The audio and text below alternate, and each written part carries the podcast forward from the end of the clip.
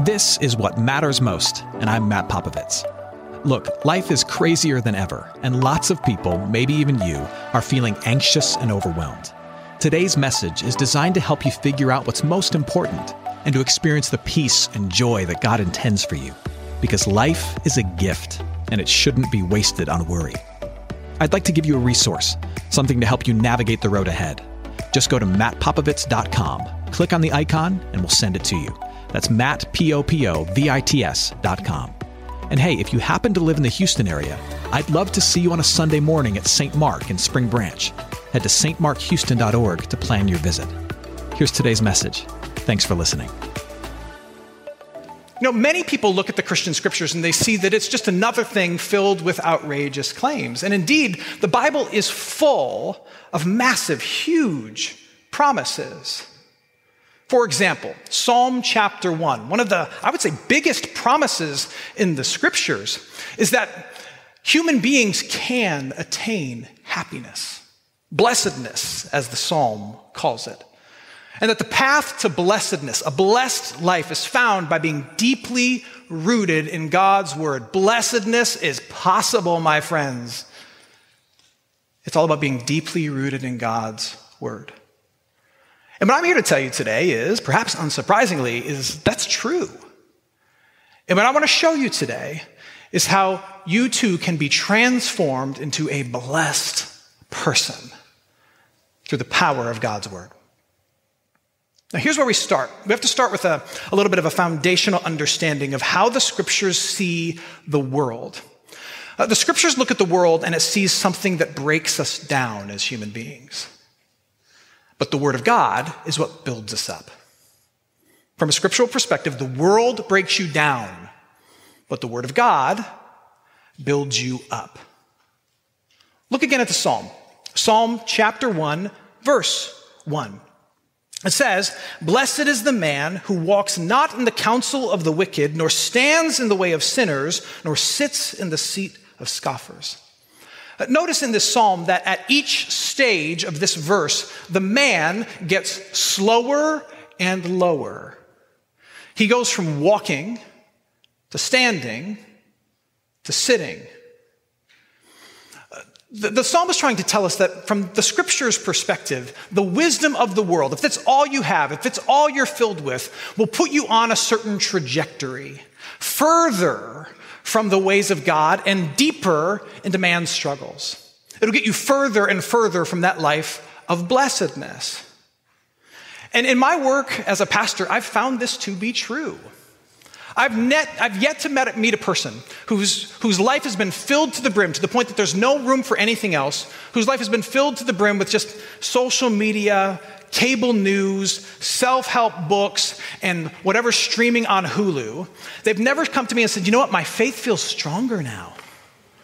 I feel closer to Jesus now. No, if all you have is the wisdom and the entertainment of this world, if all you have, if that's it, people tend to come to me and say, that's all I'm filled with. My faith feels weak. I feel further from Jesus.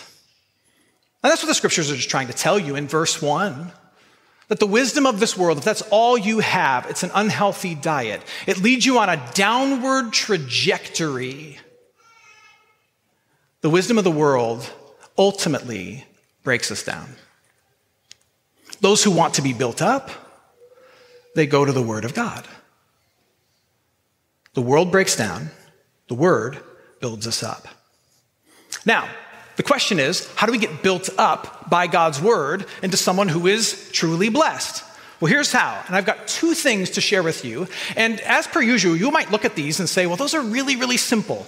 They are. I'm just giving you exactly what the word gives to us in Psalm 1.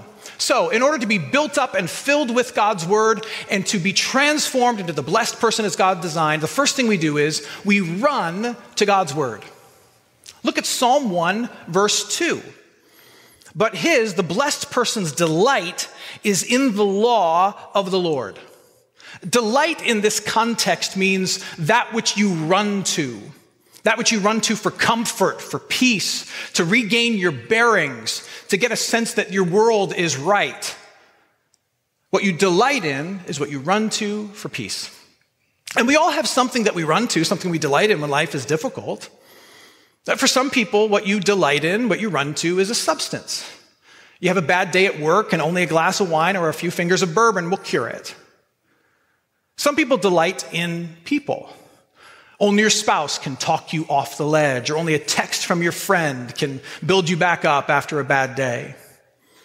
Some of us, we run to, we delight in certain experts. We have our podcast that we go to that helps us make sense of the world, or our political pundit on our favorite channel that, that helps us make sense of everything so, so that we feel that we have understanding and control, that we never miss it. And then there are some who delight just in themselves. When there's a problem, when there's an issue, they isolate themselves from others and they work the problem until they feel better. Everybody runs to and delights in something when it's difficult. And what the, the psalm is telling us is that the person who is being transformed into someone who is truly blessed, what they run to, what they delight in, is the words and the truth that comes from God. Uh, again, which is why it's important, we talked about this last week, that, that you have a copy of the scriptures that actually makes sense for you. That you, you gather underneath preaching that speaks to your heart and can, can stay in your mind and be with you throughout the week. That you have other resources for your life of following Jesus that are centered on the scriptures. And if you don't have those resources, we have a lot to suggest to you. If you go to our website, stmarkhouston.org slash resources, you can find a ton of things that we think will help you run to, delight in the Word of God. So, a couple reflection questions at this point. What do you delight in when life gets difficult? What do you run to to get your bearings and to feel okay? And do you have the resources you need to run to and delight in God's Word? And if the answer is no, what are you going to do about it? So that's the first thing. We're transformed into truly blessed people as we run to God's Word. The second thing is this we are transformed into truly blessed people as we, as we dwell in God's word. Look at the second half of verse 2. It says this On his law, the blessed person, on his law, God's law, he meditates day and night. When we think meditation, we tend to think in terms of Eastern spirituality, like transcendentalism. Eastern spirituality, uh, meditation in particular, is all about emptying the heart and the mind. And there are some benefits to that kind of mindfulness and meditation, scientifically proven. For some of us, it's easier than others. It only takes me like two minutes to empty my mind, not carrying a whole lot around. There is some benefit to it. But you need to understand that when the Christian scriptures talk about meditation, it's not talking about emptying yourself, it's talking about filling your heart and your mind with something specific. In fact, the, the, Hebrew word that's translated as meditation means to mutter or to mumble things quietly to yourself. When the scriptures talk about meditation, it's talking about taking the truths of God's word and dwelling on them to the point that they're on your mind, they're in your heart, and they're being mumbled under your breath as you go throughout your day. That's what it means. That's what the scriptures are talking about in some sense when it talks about meditation, a truth gets lodged in your heart and your mind and it spins around like a song.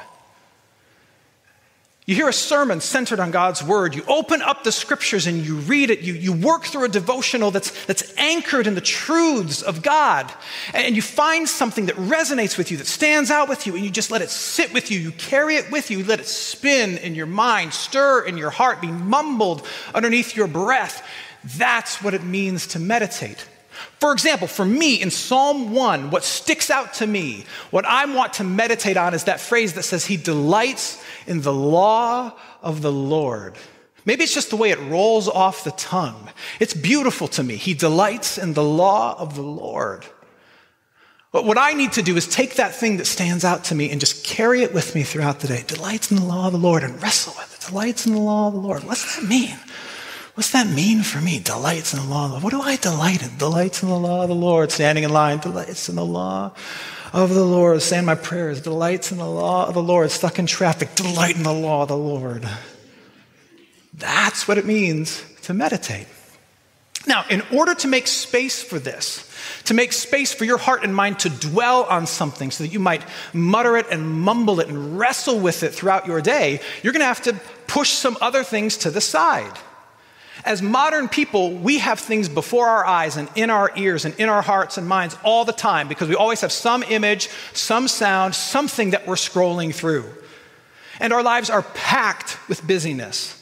So, in order to dwell on God's word, you're going to have to push some things out of your mind to perhaps rearrange your schedule to make space for God's word to get a hearing so it can get in here and do its work. And, and I'm as guilty as anybody else. Like in my house, I bemoan the fact that all the time I look at myself and I look around at my family, and we're just always doing this on our phones, always.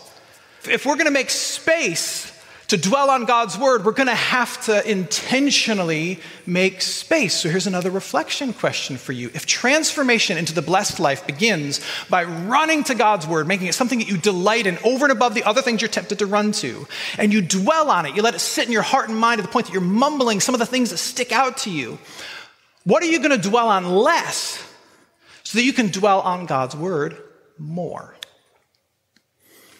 Is it less scrolling? Is it less podcasts? Is it less Dateline murder mysteries? Is it less texting? You and I don't have the luxury of just adding this in. We're going to have to push some things out first. Be mindful of how much we take in of all that's going on. Be serious, be engaged, be prayerful, but make space to delight in and dwell on something bigger and better and more beautiful and more powerful. We run to God's word and we dwell on God's word. Easter is on its way, and you need a place to worship. Hey, friends, it's me, Matt. And if you're in the Houston area, I invite you to celebrate Easter with me at St. Mark Houston in Spring Branch. For more information, head to stmarkhouston.com. If you're not in Houston, no problem. We're preparing an online experience that you can enjoy from anywhere in the world. Just bookmark EasterforHouston.com and you can join us live on Easter from wherever you are. The resurrection of Jesus is the most important event in history, and we'd love for you to celebrate with us. And now, back to today's message. Now, the next question is this. Let's say I'm running to it, let's say I'm dwelling on it. Once I've got it in my heart and mind and I'm chewing on the truths of God's word, what do I actually do with it? Well, I think you do two things. You confess what it convicts you of, and you believe what it promises you. You confess what it convicts, and you believe what it promises. The great reformer Martin Luther said this about God's word. He said, The Bible is alive. It speaks to me. It has feet. It runs after me. It has hands. It lays hold of me. Meaning, God's truth, whenever you encounter it, God's truth, whenever you encounter it, is trying to accomplish something in you. We talked about this last week. It is trying to draw you closer to Him so that you don't just get knowledge about the Bible, you actually have an encounter with the God of the Bible. The things that it tells you to do are meant to not only guide you, but ultimately to convict you to show you your struggles, to let you see yourself honestly in a mirror and know of your need for grace. And so as you as you run to and dwell on God's word, confess the things that it convicts you of. Don't just turn the page and ignore it. Don't rationalize it and say, "Well, if God really understood why I struggle with this, he would be totally understanding." Just confess it. If you read it and you think, "Man, I'm I'm a liar." Confess it. If you read it and you think, "I'm a cheat," confess it. If you read it and think you lack faith, confess it. If you read it and think that you've been unfaithful to a friend or a spouse, confess it. Confess it. If you read Jesus' standard of what it means to hate other people, that it's really murder, and if you read that and you're convicted that, man, I hate a lot of people, I'm a serial killer, confess it. Own it. Own it. Confess what it convicts you of. Ooh, that'll do a work in you. But believe what it promises you. These two things go together. As you run to it and dwell on it, believe what it promises you and what it's trying to get you to grasp and believe every single time you encounter it, whether you're reading or you're listening, whatever it is, is trying to get you to believe that Jesus is greater than all your sins and all your struggles and all your issues.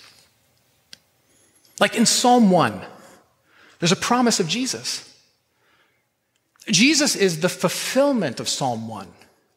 Psalm 1 talks about this man who is blessed because he delights in the will of God and he's planted like a tree, and the wicked will not stand. But Jesus is the most blessed one who's ever lived because he delighted in the word and will of the Father greater than anyone ever has. And God exalted him to the highest place. Yes, he went to a cross. Yes, he went to a grave, but he rose up and his trajectory was not ultimately down, but up and exalted to the highest place at the right hand of the Father, the name above all names.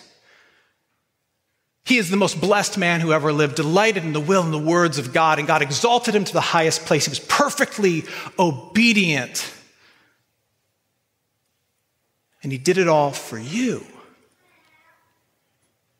But the second half of the psalm talks about what happens to the wicked, the people who refuse to run to and delight in and dwell on God's word. And what happened to Jesus is he was also punished as though he was the sinner, as though he was the wicked, as though he was the scoffer.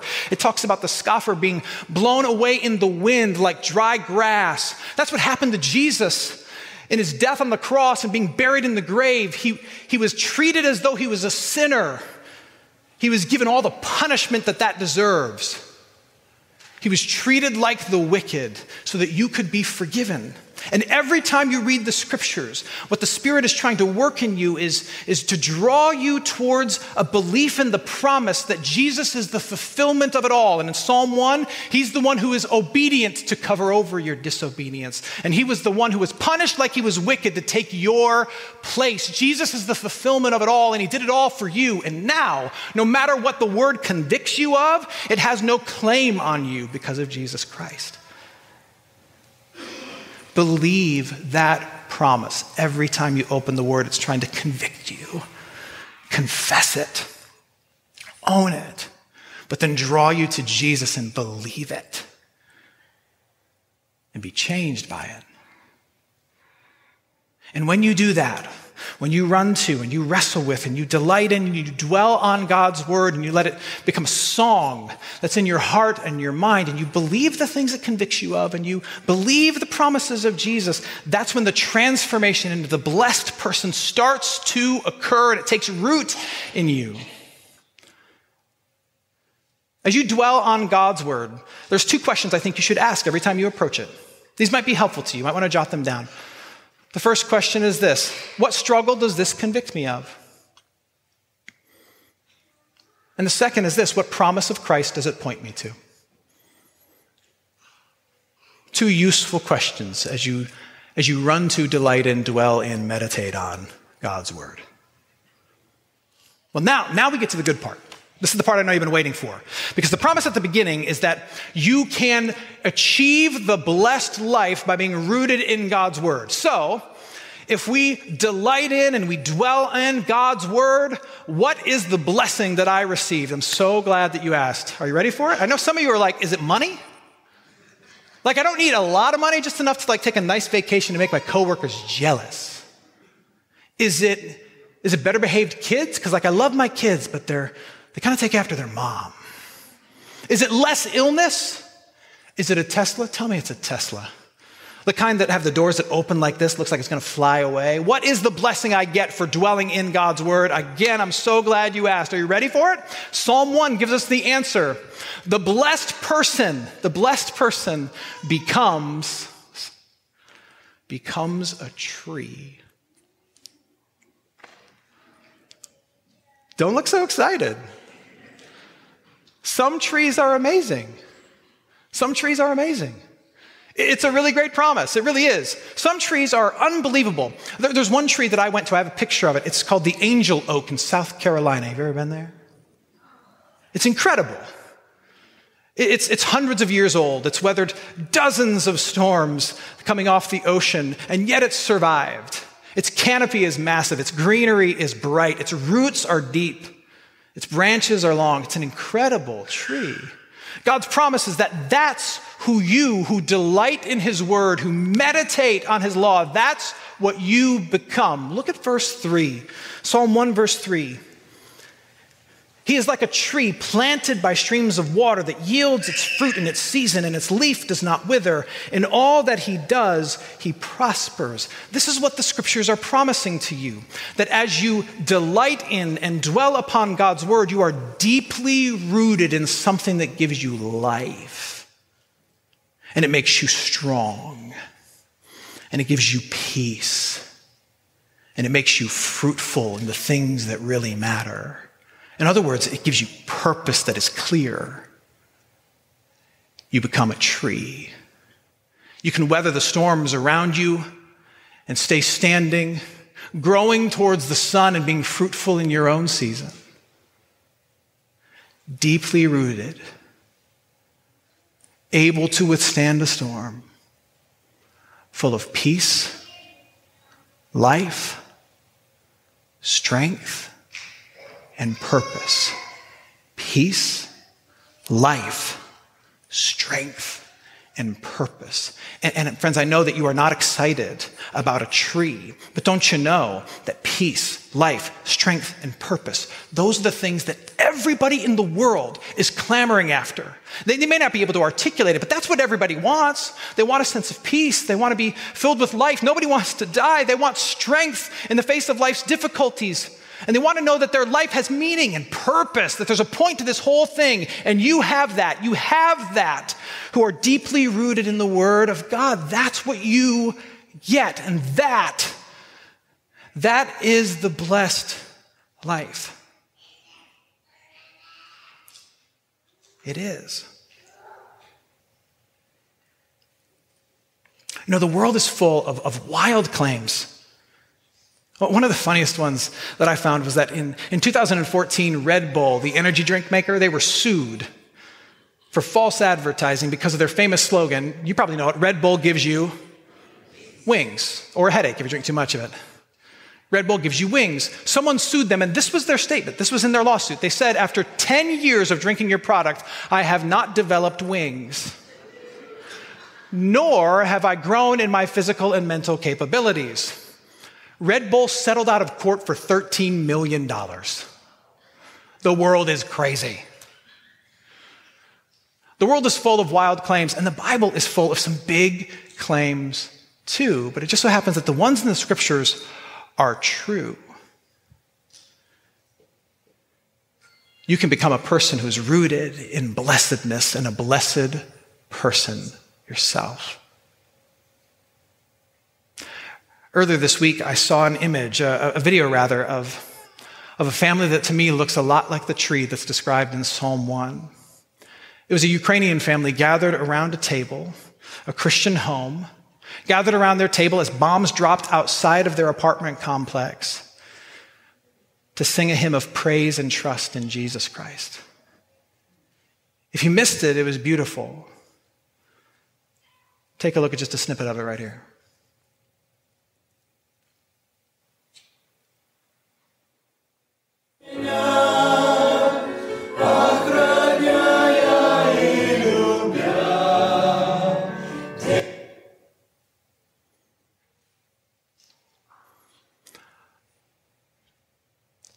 The world will break you down.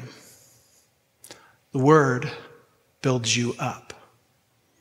Everybody delights in something. The question is will it break you down or will it build you up? Will it leave you on the ground in the end with empty hands? Or will it root you deeply in something that gives you peace, allows you to sustain in any storm, to be green no matter the weather, to be filled with peace, to be growing towards the sun? And to be flowering with purpose, no matter what comes your way. The world can't do that, but the Word can. It's a crazy promise, but it just so happens to be true. We pray. Hey, it's Matt. I hope you enjoyed what matters most. Here's what I need you to know life is a gift, and it shouldn't be wasted on worry. I want to help you figure out what's most important and to experience the peace and joy that God intends for you. So, for more content, you can head to mattpopovits.com. That's Matt, P O P O V I T S.com. There, you can also support this ministry as well as access your free resource, a little something to help you navigate the road ahead. I'd also love to see you on a Sunday morning. If you're in the Houston area, head to stmarkhouston.org to plan your visit. In the meantime, hit me up on Instagram at mpopovits or at facebook.com slash mattpopovitsministries. Thanks for listening. Now go and hold tight to what matters most.